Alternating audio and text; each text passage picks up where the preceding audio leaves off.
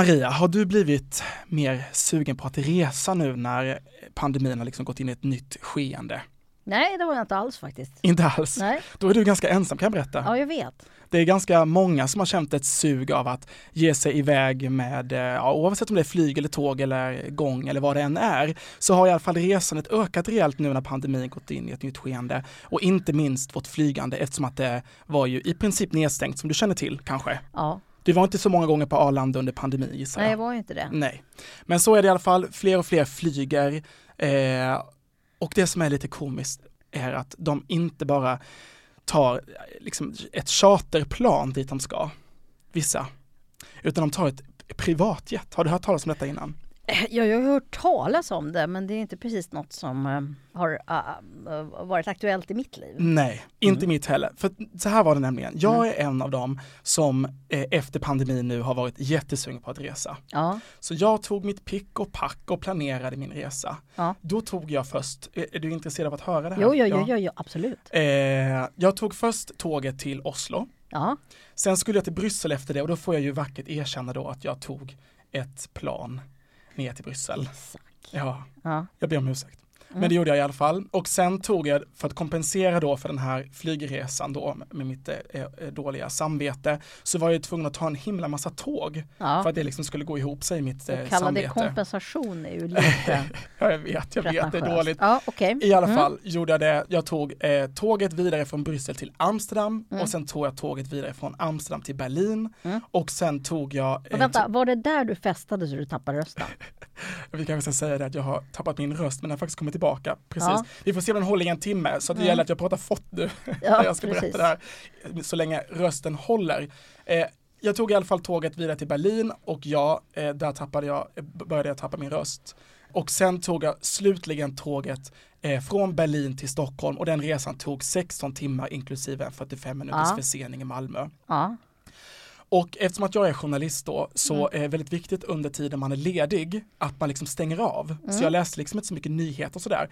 Men när jag då var hemma i Sverige igen så tyckte jag det kunde vara dags att uppdatera mig lite om diverse politiska kriser Ja. och så vidare som pågick i, i Mm. mitt hemland. mm. Och då när jag öppnar eh, eh, diverse nyhetsappar så dyker jag då på den här eh, granskningen då som handlar om att eh, under tiden jag satt på de här tågen och eh, Mm. eh, luffade fram via Europa så tog alltså andra svenskar sitt privatjet. ja. Och, och då, det här privatjetet, det rullade inte då som du tänker nu mellan Stockholm och Malaga eller Stockholm, Dubai och sådär, utan den absolut vanligaste resan, det var mellan Stockholm och Göteborg. det är sant. Så var det. Och nu kan inte jag, det, där- det här låter som att det är jag som berättar detta, eh, men vi har ju sällskap i podden idag eh, eh, av en person som har gjort den här granskningen, vars artikel då jag läste när jag landade i, i eh, eller kom fram till Stockholm då efter 16 timmar på det här tåget. Innan vi hälsar honom välkommen, du verkar jätteupprörd.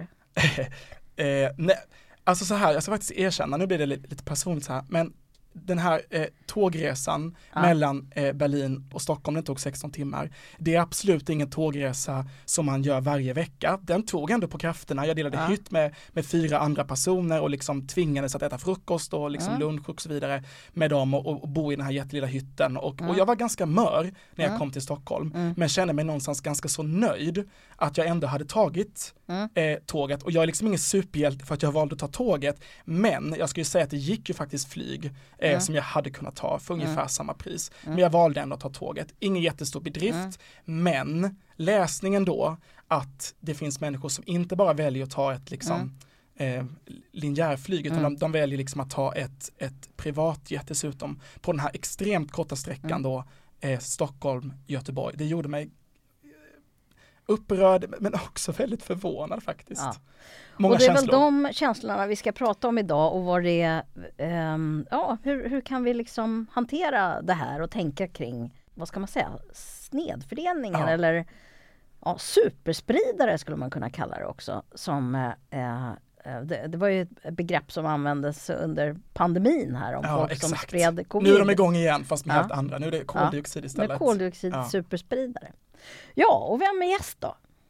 Ja men gäst idag är Egil Söderin, grävreporter på Dagens ETC. Hej Egil! Hej! Det var ju du som hade gjort det här jobbet då tillsammans med din kollega Anton Borgström, eller hur? Ja, precis. Och det handlar väl precis om det som jag var inne på. Hade jag rätt i min, när jag återgav Ja. min läsning? Jag gillar att ha en emotionell upprördhet när vi går in i det här. jo men precis, vi har ju kollat på, det är teknikaliteter, men vi har kollat på 29 svenska privatjet, alltså plan som är registrerade i Sverige och var de har flugit Mm. under de senaste tre åren. Alltså före, under och efter pandemin. Ja. Om vi Mm. nu kommer säga att vi är efter pandemin, men fram tills Ja, just det. mars 2022 Ja. har kollat. det här är till, fram till det där skiftet i pandemin kan vi i alla fall säga, när man i alla fall nu kan ta flyget igen ju. Ja, eller fram tills nu, till i våras. Ja. så, så, så det är det vi har gjort. Och eh, sen finns det andra plan som flyger, som är registrerade i andra länder som flyger Mm. till Sverige och plockar upp svenskar och sådär. Men i, på det stora hela kan vi säga att vi har kollat på hur svenskar flyger med privatjet. Mm. Och när du Och säger privatjet, vad, vad, är, vad är privatjet? Bara så att alla hänger, vad är det vi pratar om egentligen? Alltså det man tänker är kanske Elon Musk som äger ett stort plan och så åker han själv runt och Ja. fikar och Eller Air Force One, tänker man. Ja, det är ju, då är det ju Mm. kanske mer ett regeringsplan man Ja. tänker på. Sådär.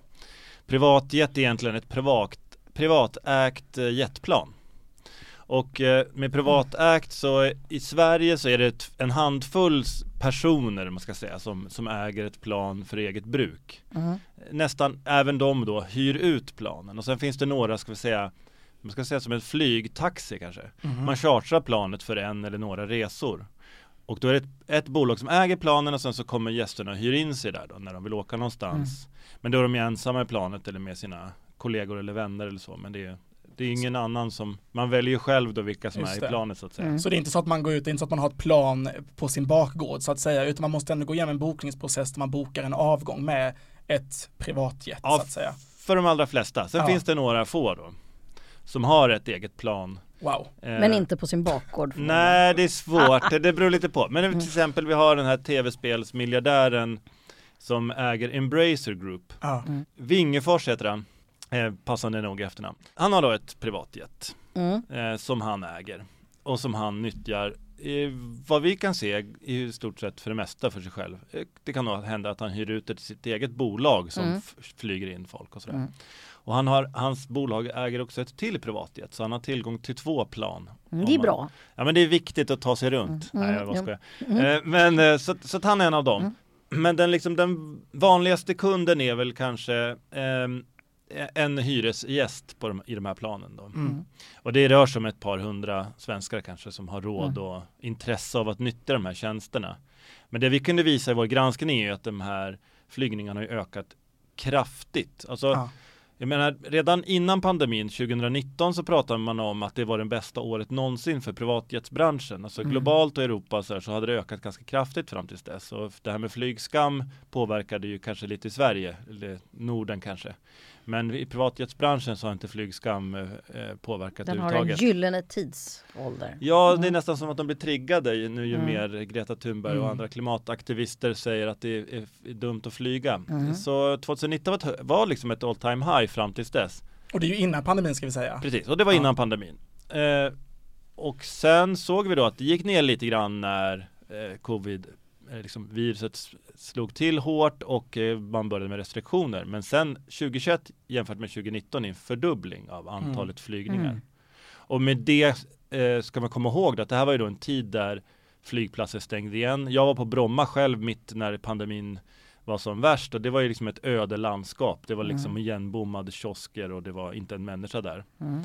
I den här tiden där det även var restriktioner, svenskar kunde inte flyga till USA eller hur som helst, utan det var ju begränsningar. Trots allt detta som ändå skulle lägga en, liksom en begränsning på, som stoppade all annan flygning.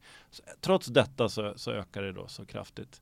Och det gav också på två år ökade utsläppen med 60% från de här planen Mm. kunde vi räkna ut då.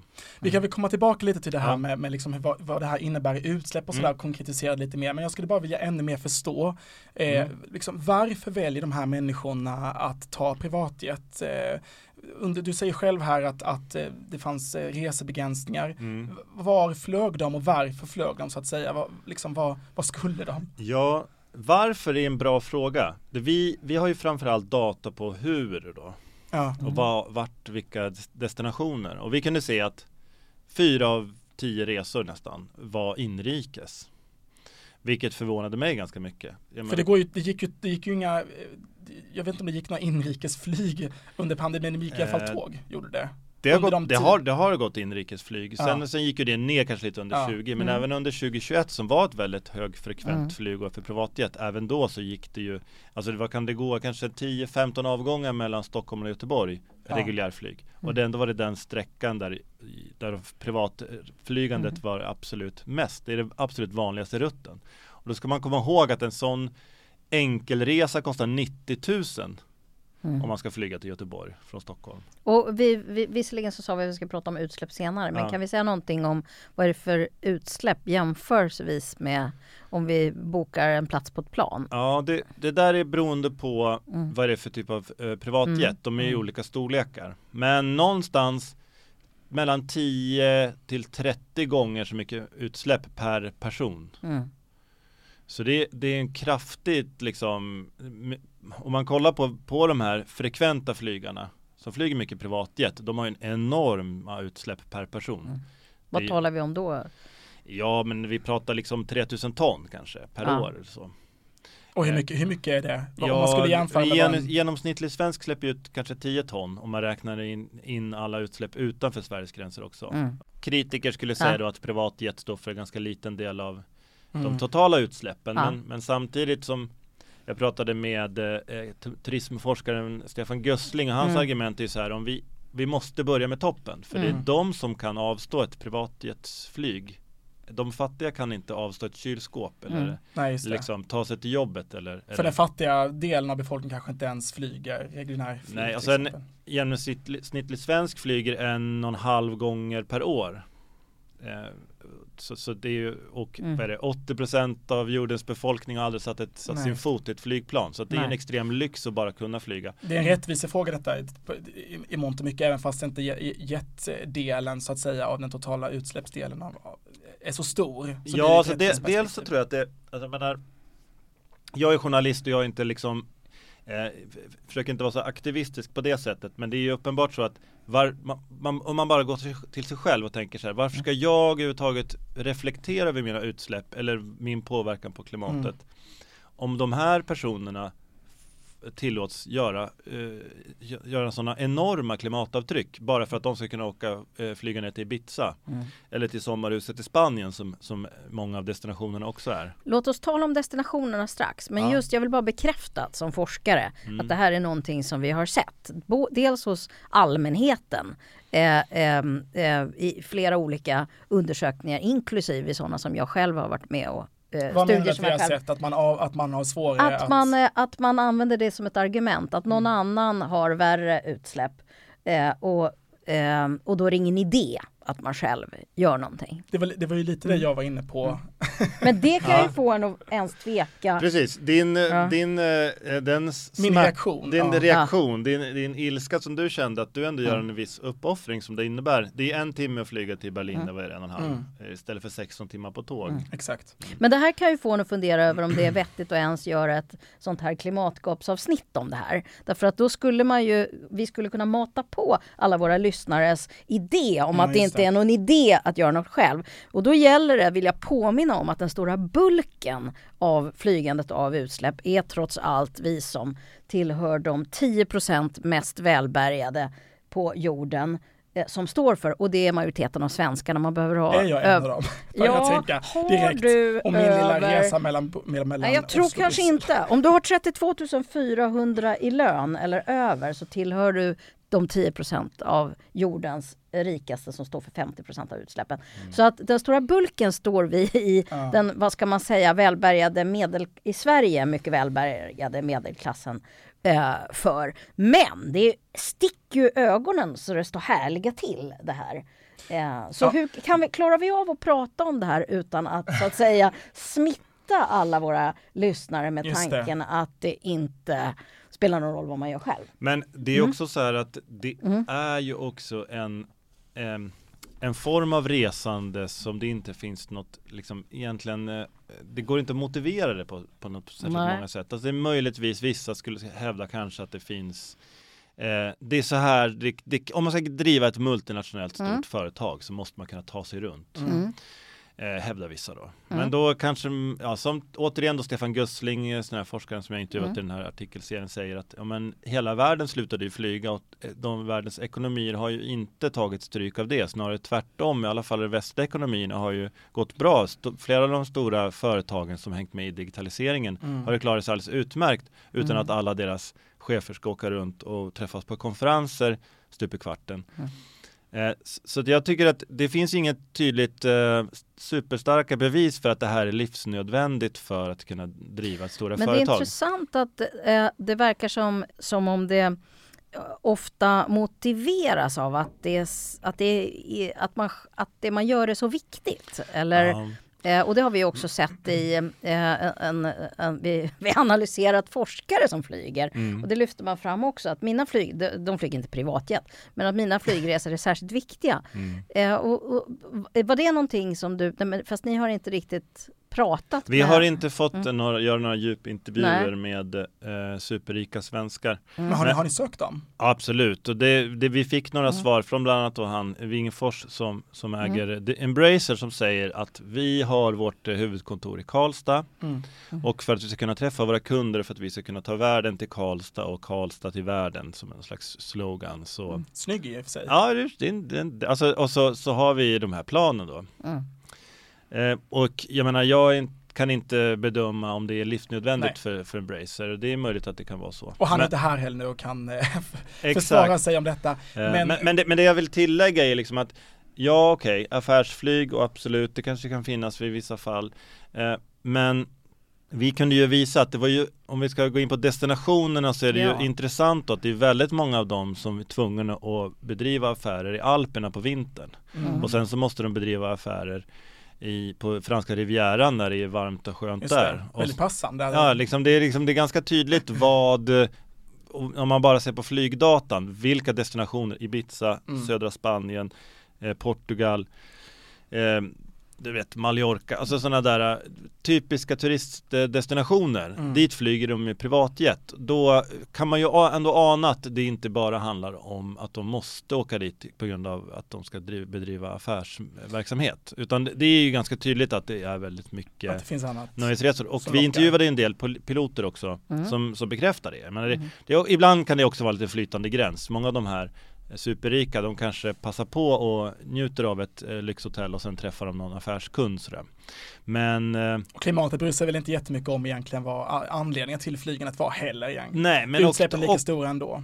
Det finns ju alternativ också. Mm. Man kan ju flyga, eller man kan ta tåg. Just det. Men det är de så inte intresserade av. Och det finns ju eh, finns ju ändå tecken på att kanske det handlar också om en livsstil. Mm. Det, det, är en eh, statusmarkör vissa, för vissa, som, som vi hade med i vår granskning, vissa influencers, så är det en statusmarkör att ta en selfie i privatjetet mm. för att visa att man har nått en viss nivå. Just det, för du nämnde det här med flygskam innan och då kan man ju mm. tänka att de här människorna flyger liksom privatjet lite i skymundan, att man skäms lite för att man eh, gör det och man absolut inte vill att de ska få reda på det, men det är ju snarare tvärtom. Ja, det finns, jag skulle säga att det finns två spår här.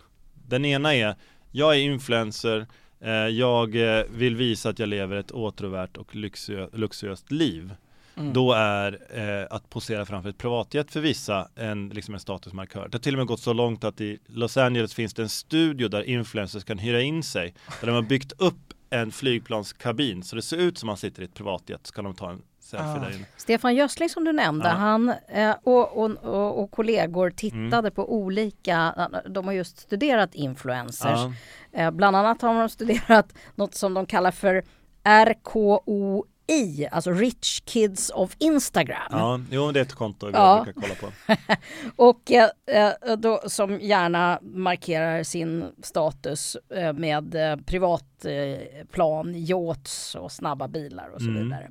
Men då, då har de också i en annan studie, eh, en tidigare studie, så eh, skisserade de eller delade de upp eh, olika typer av förhållningssätt bland kändisar till, eh, till sådana här, till såna här vad ska man säga, lyxtransporter av olika slag. En typ kallar de för carbon boomers. Det är sådana som liksom omfamnar eh, eh, fossilrik eh, konsumtion på olika sätt. Kevin Costner nämns där till exempel. Och sen så har vi carbon filistin, alltså, alltså kolfilister. och jag vet inte hur man ska översätta det, men, men kanske är personer som är eh, omedvetna brackor skulle man kanske översätta det med. Eh, på något sätt. Som, som, det är inte en issue det här med, eh, med, med, med utsläpp. Och sen har vi Climate Advocates. De har en, en hög utsläppsnivå men engagerar sig för klimatet. Al Gore skulle då vara en person. Vilket, säkert Bill Gates också. John Kerry som flög privatjet nu till klimatmötet ja, i Stockholm. Himmel. Om, jag, om mina ja. uppgifter stämmer. Och, och den, jag ska bara ja. säga den här kategorin, vi kan komma in på det snart också, den här kategorin senaste här, alltså människor som har en väldigt eh, klimattung livsstil men då ändå samtidigt engagerar sig för klimatet. De återfinns ju också väldigt många eh, exempel på i era artikelserie. Ja, jag, jag vill bara avsluta mm. eh, resonemanget där med att mm. vi har de, de, som vill skryta med sitt flygande. Mm. Men det framförallt det vi hittade med vår data är ju alla de som inte vill visa hur de flyger. Ja. Vi, vi, kan ju inte peka ut eh, eller lokalisera exakt vilka individer men de Nej. absolut flesta svenskarna som flyger privatjet gömmer ju undan detta. Ja. Bromma har de byggt en stor eh, jordvall så att man ska kunna se vilka som kliver ombord på en privatjetsplanen. Ja. Man får inte fota där.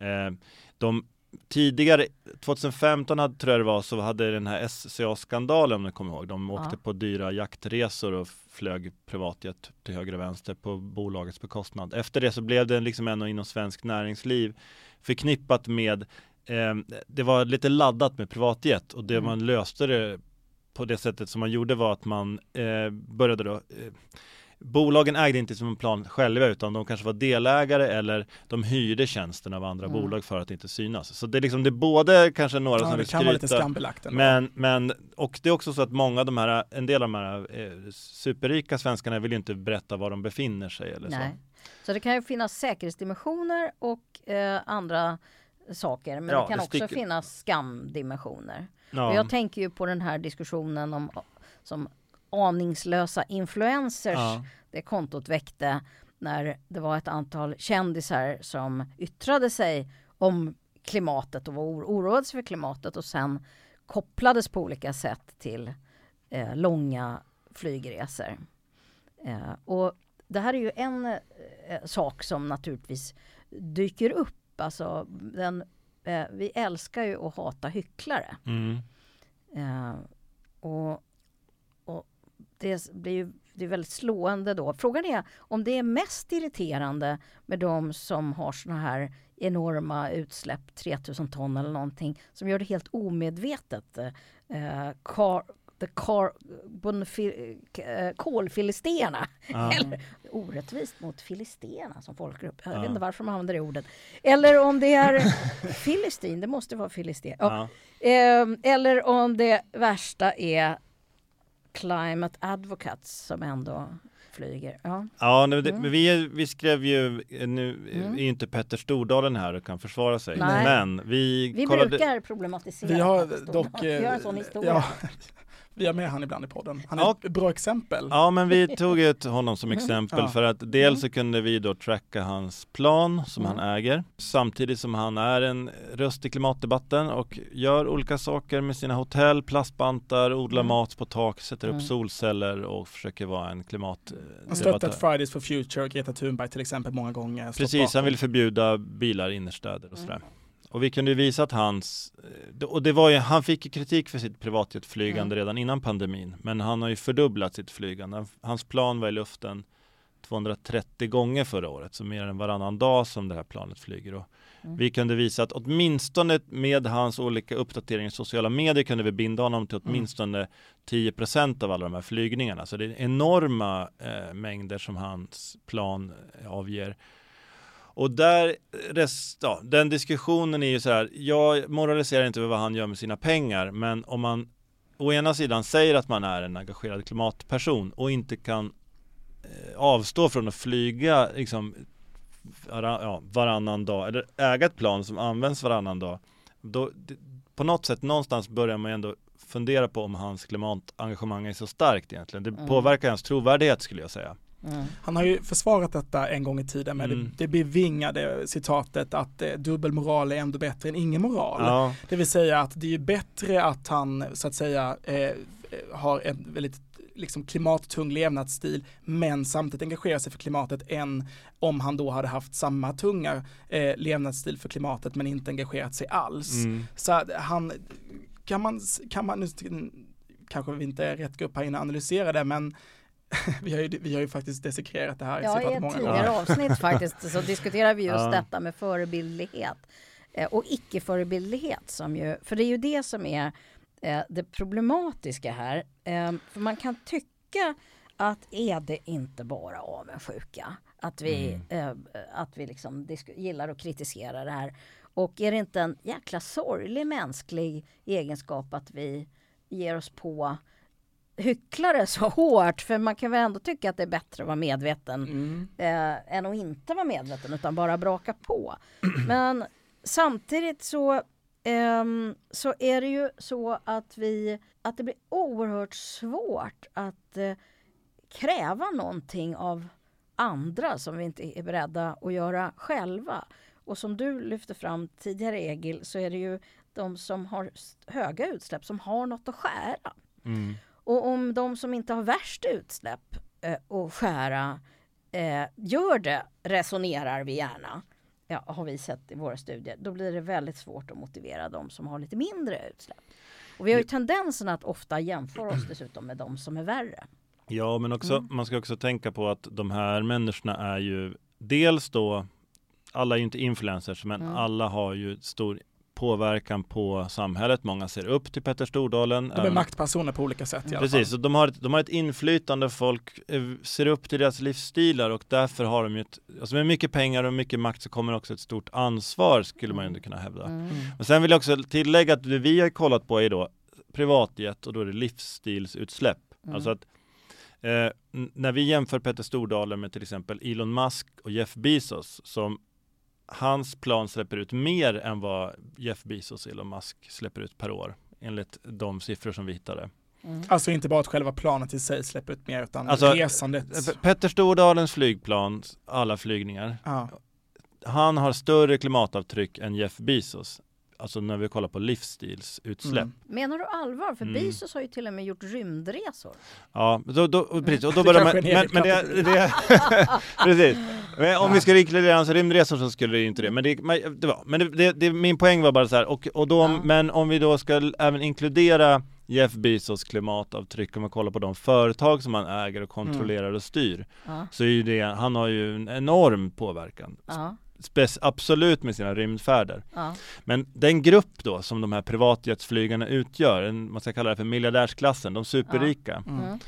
Eh, de har ju också makten över eh, stora delar av näringslivet där de faktiskt har möjlighet att påverka klimatet. Så Mm. att privatjetet kan man också se som en symptom. Hur pass intresserade är de av eh, att överhuvudtaget engagera sig i klimatfrågan? Om de själva inte ens kan avstå från att flyga till Ibiza stup i kvarten. Mm. Kommer de någonsin kunna införa en klimatprogram för att reformera sina företags utsläpp och så vidare? så Mm, att jag det. tänker att man, man kanske kan tänka det som att Att det också hänger ihop. symboliskt. Det är symboliskt men också Mm. det är ett, det är ett uttryck för en absolut övre skikt av samhället och hur de Ja. ser på världen och dess, deras roll i den. Och om man flyger privatjet då har man ju på något sätt klivit utanför alla ramar. Ställer sig helt utanför samhället skulle man kunna hävda. Ja.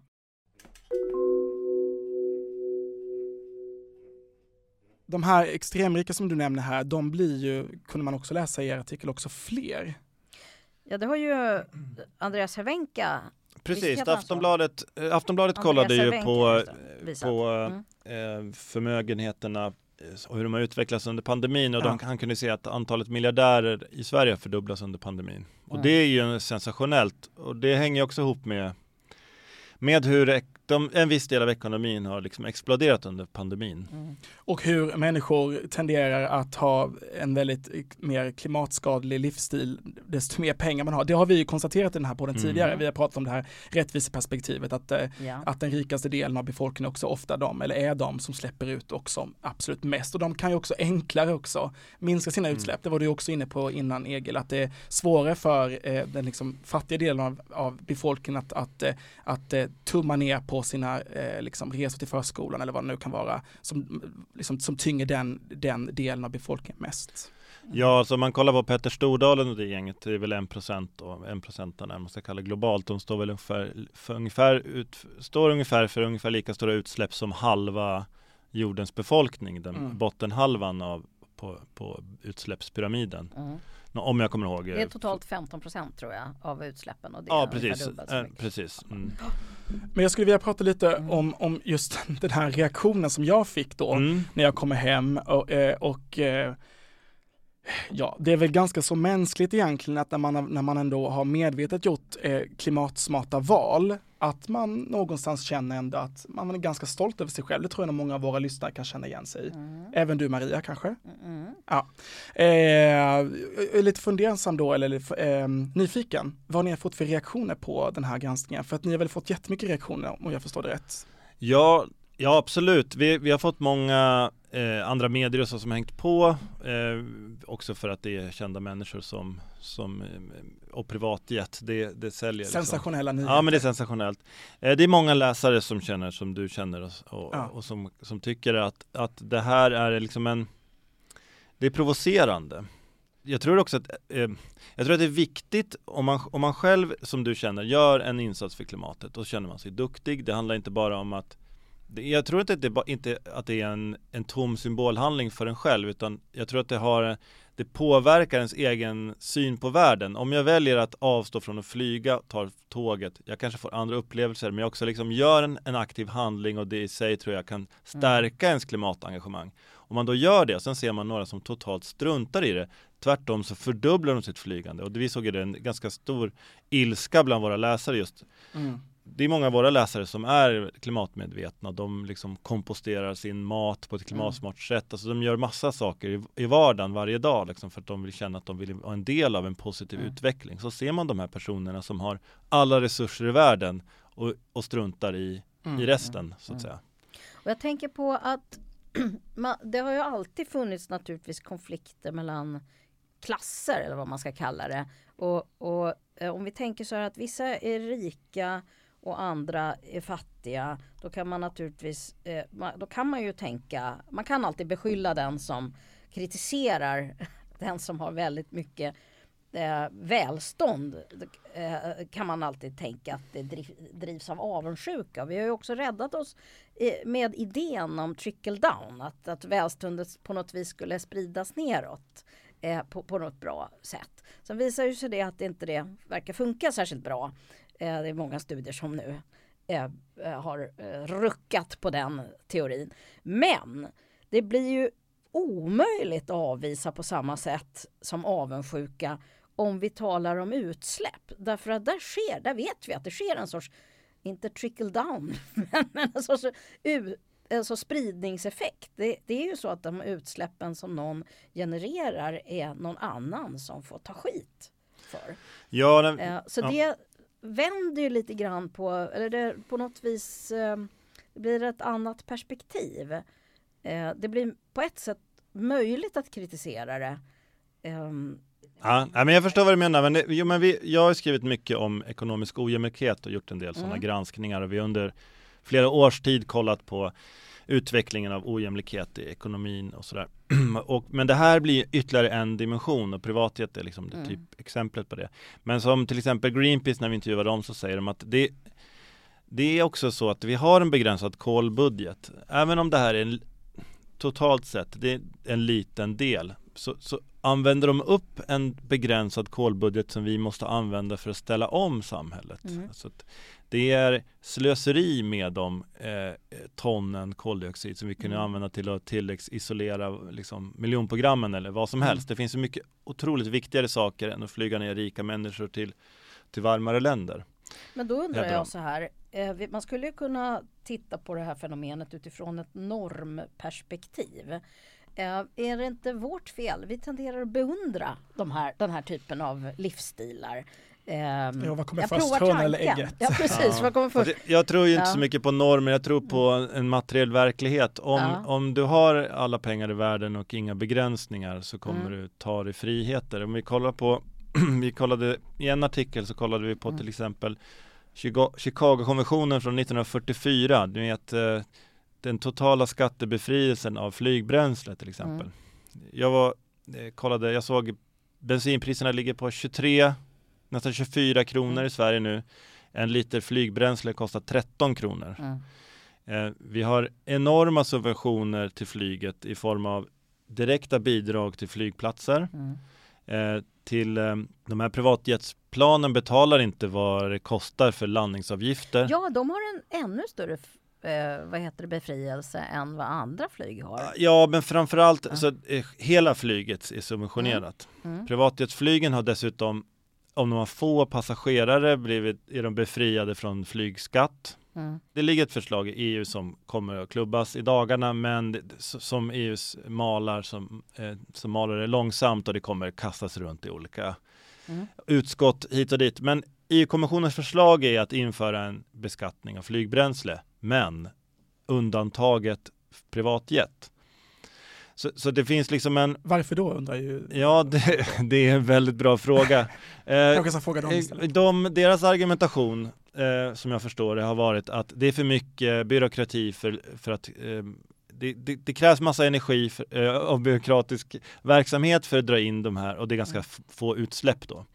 Men eh, jag skulle väl snarare säga att de är, de är duktiga på sin, eh, att bedriva lobbyverksamhet. Det här är ju personer som är rika och eh, mäktiga som har möjlighet att påverka politiska systemet och Mm. man vill inte stöta sig med dem. På samma sätt, det heter Fit for 55, eller, 55, ja. Fit for 55. Mm. De är också undantaget för lyxyachts, de är också undantaget för lyxbilar. Mm. Man ser ganska tydligt mönster där, alltså att det, det är billigt att vara rik, det är subventionerat, de sakerna och liksom fr- frånvaron av beskattning och Det är en sorts begränsning. omfördelning till de som har skall vara givet. Ja, alltså vi kollade på Ja. eh, bara subventionerna till privatjet, Mm. om jag kommer ihåg rätt var eh, 30 000 per resa i snitt i, i, i subventioner från svenska staten till privatjet. Eller kanske ska man kalla det skattebefrielse då? Alltså, ja, sub- delvis är det Sub, subventioner. det är faktiskt. subventioner, det är ju Ja. en frånvaro av skatt. Ja. De hade ju varit dyrare de här Mm. resorna. Nu är ju inte pengar ett jättestort problem för den här gruppen och då menar ju vissa att det är bättre med eh, regelrätta förbud. I Frankrike har man ju infört, det vet ni säkert bättre än mig, men eh, på vissa sträckor är det ju flygförbud om Mm. du kan ta det med tåg. Det var väl en pandemieffekt va? Ja, det var väl Som man två... införde detta för att eh, man skulle hjälpa flygbolagen i Frankrike så var liksom motkravet då att man inte, att de skulle inte få flyga på sträckor där det går att ta tåget. Precis, så, så, och det är ju många som som till exempel Greenpeace, eh, jag tror eh, Miljöpartiet, Vänsterpartiet har diskuterat sådana här åtgärder Mm. För att ehm, eh, normer och flygskam når man inte så långt uppenbarligen. Det här är också en grupp som inte så bryr sig så mycket om vad folk tycker verkar det som. I alla fall, eh, utan de tar sitt privatjet om de kan och om man inte begränsar möjligheterna eller ekonomiskt begränsar eller beskattar det hårt eller förbjuder det så, så kommer de fortsätta. Och det vi ser nu är att från januari till mars i år så är det mer privatjetflygning än någonsin. Så att den här uppåtgående trenden bara fortsätter. Så det är lite oroväckande om man tänker på vilken klimatavtryck det kommer ge. Ja himmel, jag känner nästan att jag inte klarar av att att, eh, förhålla mig sådär forskaraktigt till det utan att jag fullständigt tappar. Nu, nu låter jag också aktivistisk här, men jag menar någonstans så måste man ju ställa sig frågan vad är det vi ska eh, ha vår kolbudget till? ja. Mm. Och jag är inte här för att liksom lägga några eh, politiska förslag, men det är ganska uppenbart att någonting måste göras för det här är en verksamhet som ökar kraftigt. Mm. Så mycket kan man ju säga i alla Och fall. jag tänker på det du var inne på när du sa så här att, att den här delen, jetflygandet, ändå är en, en, en liten del av vårt totala utsläpp. Man kan ju ändå då, baserat på, liksom på det vi var inne på tidigare, också anta kanske att vårt, eh, vi andra då, som flyger betydligt eh, mindre, men ändå då står för den här stora delen av, av utsläppen. Vi påverkas ju ändå av att se de här människorna som vi ser upp till. Eh, du, alltså I artiklarna så är det ju kanske, nu pratade vi om, om, om personer som, om Petter Stordalen, men det finns ju också personer som har eh, mer den här eh, influencerrollen i samhället som är eh, kända artister, eh, sportpersoner. Vi får inte nämna några namn här eller? Eh, man kan ju läsa artiklarna för att se. Ja, men, Teckna en prenumeration så kan ni läsa artiklarna. Ja. Ja. ja, men I artikeln så nämns ju till exempel personer som till exempel Charlotte Perrelli är en person som Ja. nämns i, i artikeln som är en person som ni själva skriver då uttryckt tidigare eh, klimatångest men, men som ni har sett bara baserat på hennes egna eh, inlägg på sociala medier har valt att flyga med privatjet. Ja, hon, är, hon är ju en av, av eh, flera influencers som Ja. vi tittade på. Och hon är inte heller här och kan berätta varför, men, men vi kan ändå bara säga att hon, hon har ju ändå, hon är ett exempel på en person som har väldigt mycket följare och beundras såklart av väldigt mycket människor. Mm. Eh, så att det går ju att anta att vi andra liksom påverkas av det där. Och man kan väl erkänna, man kan väl, får man erkänna det, att man har väl tänkt tanken att det hade varit kul att sitta i ett sånt här i en sån där fåtölj och någon kommer in med ett glas champagne och Av säger någon anledning är det alltid choklad och doppade jordgubbar också. i din dröm eller nej men det är bara bilder jag har sett. Ja, nej, Det är någon precis. standardmeny kanske, Ja, ja, champagne, där. chokladdoppade Det är mycket, jordgubbar. ka- mycket kava och eh, snacks. Jo, det är säkert jättehärligt. Det är tempererat och luftigt och sköna fåtöljer och du slipper skrikande barn och eh, Och man slipper de här lådorna med eh, någon smaklös eh, eh, tikka masala. Ja, eller, och du, behöver, du får också ta med dig hur mycket liksom, mängder av liksom, vad heter det, schampo och sånt. Du Just behöver det. inte föra över i små förpackningar. Ja. Eh, och det är, menar, det är, ja, men vi intervjuade en, en, en pilot som berättade att du kan ta planet till, eller förlåt, du kan ta taxi till eh, Bromma, kliva ur taxin direkt in i planet så det är luften på Mm. några minuter, så flyger du ner, planen går, åker snabbare än andra plan. Mm. Det är någon som kan eh, ta hand om dig och se till så att du har det väldigt bekvämt och härligt, sen landar du och sen precis på din, närm- en flygplats ofta närmare än den vanliga destinationen, ja, närmare destinationen än andra flygplatser och sådär. Så det, jag menar, det är klart att det, det lockar och någonting måste det vara, en, någon fördel måste det ändå vara om du lägger 90 000 på att flyga till Göteborg. Just det. Mm. För, för mig är det, det är ofantliga pengar, det är 250 000 för att flyga till Spanien. Mm. Nu var det ju inga som kunde ge en förklaring till er om jag förstår det rätt av, av de ni sökte var liksom var, varför de ändå har valt att ta flyget. För det är det man är mest nyfiken, man skulle ju önska att någon av dem var här nu och kunde berätta om den fördelen de upplever. Men, men som sagt, det är, ju- det är klart att det, som jag, som jag var inne på alldeles nyss här med, med bekvämligheten och så, det är klart. Men, men det, det är också den här eh, eh, livsstilsargumentet tror jag, det är viktigt. Det är ett sätt En att Instagram-bild kan vara värd 90 000. Nej men ja, ja, inte bara det men jag, jag tror att även de som inte skryter om det på Instagram, jag tror att de i, i, sin, eh, i sin själ känner att de unnar sig det här, de är värda det här, de är så viktiga och de Det är ett sätt kanske att distansera sig från Men tror vanligt du att det folk. kan finnas också en sorts aningslöshet? Fattar de verkligen hur väldigt höga utsläpp det är? Alltså är det möjligt att göra det här om man verkligen förstår det? Det, det som har, br- branschen har löst, jag, jag intervjuade en eh, amerikansk sån här eh, privatjet, han, han, Mm. han kan man säga, det är liksom en, eh, han guidar rika i att hitta Mm. det bästa dealen på, Mm. på sådana här hyr, Mm. privatjets. Och han säger att, nej men vi, alla har ju carbon offsetting program. Mm. Så att du betalar lite mer, Mm. så planterar de några träd någonstans i, nära ekvatorn. Mm. Så liksom skjuter undan den där eller oron. Men du tror att det är eh, regleringar som måste till. Jag, jag, Ja. jag, jag tror att du har rätt, men jag funderar ändå på om, eh, om är, det, är det lika lockande att göra det om man betraktas som löjlig om man gör det? Alltså eh, om, om man betraktas som lö, löjlig och ansvarslös. Mm. Är det lika lockande då? Tror Ja, du? det är en bra fråga. Ja. Jag vet inte riktigt hur de tänker. Jag är inte... Du är inte en av Nej. dem. Nej, För än så länge så är det ju fortfarande så att det är livsstilar som många drömmer Mm. om och som framstår som härliga liksom. Och då får man ju den där bekräftelsen eh, av andra.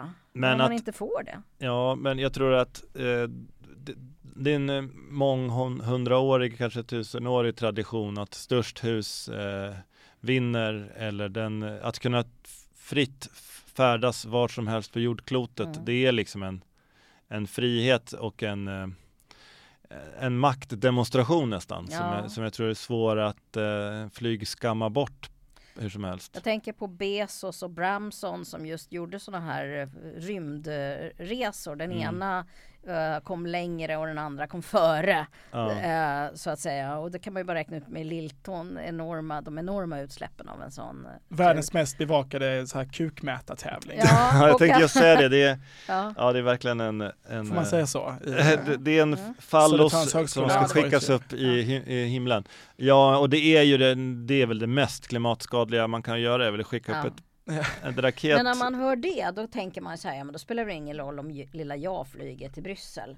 Så att det är ju... Nej. eh, vi ja. landade ändå i det. Ja, vi landar ändå i det. Rymdresor får vara, det får vara ett annat avsnitt. Ja. Ja, det, men det är, det är intressant med Bezos för att han då i, på riktigt iklädd cowboyhatt eh, liksom eh, bygger det här gigantiska företaget med eh, minimum wage för sina anställda som får kissa i plastflaskor för att de inte hinner gå på toaletten. Mm. Så använder han överskottet till att skicka upp sig själv i Inte omloppsbanan. urinen va? Nej, det också kanske inte. Medan Elon Musk skickar upp en bil. Mm. Det är en illustration ur en ganska skruvad eh, tidsålder ändå. Egil Söderin, grävreporter på Dagens ETC. Tack så mycket för att du gästade dagens avsnitt av Klimatgap. Ja, tack så mycket. Och vill man läsa mer om den här granskningen ni har gjort så kan man alltså göra det på Dagens ETC. Eh, på er hemsida helt enkelt, den här eh, artikelserien som du gjort tillsammans med Anton Borgström. Tack! Eh, och tack till dig Maria. Men tack Isak. Och det här, här är ju liksom vårt sista avsnitt vi gjorde ja, usch. ihop nu. Ja, jag, jag är lite beklämd över det måste jag säga. Jag tycker det är jättekul att du har sådana roliga journalistikjobb. Men det, det är dubbelt för jag kommer sakna dig. Över- Det är inte det sista avsnittet av Klimatgap för Nej. jag och Moa fortsätter ju tillsammans. Men över Ja. 30 avsnitt blev det ändå du och jag tillsammans. Över 30 avsnitt och det, vi kände ju inte varandra innan. Nej. Det var ju så att det var ju Ulf Larsson som är vår producent som sa till mig att eh, eh, du måste göra en podd och jag sa nej, det tänker jag inte alls göra. sa jag, jo men du kan väl i alla fall träffa Isak Just som, det. Som eh, eh, han är jätteduktig och, och, och kul. Ja, kan jag väl göra då, sa jag. Och sen så- var det kärlek vid första Ja men det ögonkastet. var det faktiskt. Det var så här att vi var ute och tog en promenad tillsammans. Det var pandemi så vi kunde Och inte det var ses inne. pandemi, Mm. just det, vi sågs ute. Och då efter att vi hade pratat fem minuter så sa du så här, nej men det här är för, det här, det här måste vi spela in, sa Ja. du. Och det gjorde vi sen. Och det gjorde vi sen. Ja. Ja. och det var ju jättekul. Det är en av de roligaste sakerna jag har gjort faktiskt. Vad kul! Ja, Detsamma. tack vare dig. Det hade inte hänt tror jag om jag inte hade känt på en gång att det här blir lätt. Nej. Lätt och kul. Och jag har ju lärt mig så mycket och man kan ju hoppas att de här 30 avsnitten att eh, de, eh, våra kära återkommande lyssnare, vi ser ju alla ni som lyssnar eh, och vi är så glada för det. Tack så jättemycket igen. Eh, och jag hoppas ju verkligen att eh, med våra avsnitt att vi har kunnat lära ut någonting eller inspirera eller vad vi än har gjort eh, till det som har lyssnat. Och det har varit superkul Maria. Och jag tror dig. ju, jag vill ju ännu hellre ha transpiration än inspiration. Ja, då säger vi det helt enkelt. Ja. Så tack till dig Maria och till alla er som Ja, lyssnar. nu på... blir Isak lite blödig här säger jag. Ja. Jag stammade faktiskt. och till alla er som lyssnar på Klimatgap, fortsätt att göra det. Ja. Vi finns där poddar finns. Ja, och nu går jag och Isak på, på klubb och skriker sönder rösten ännu mer. Tack så mycket. Du har hört Klimatgap, tekniker Josselin Hultman.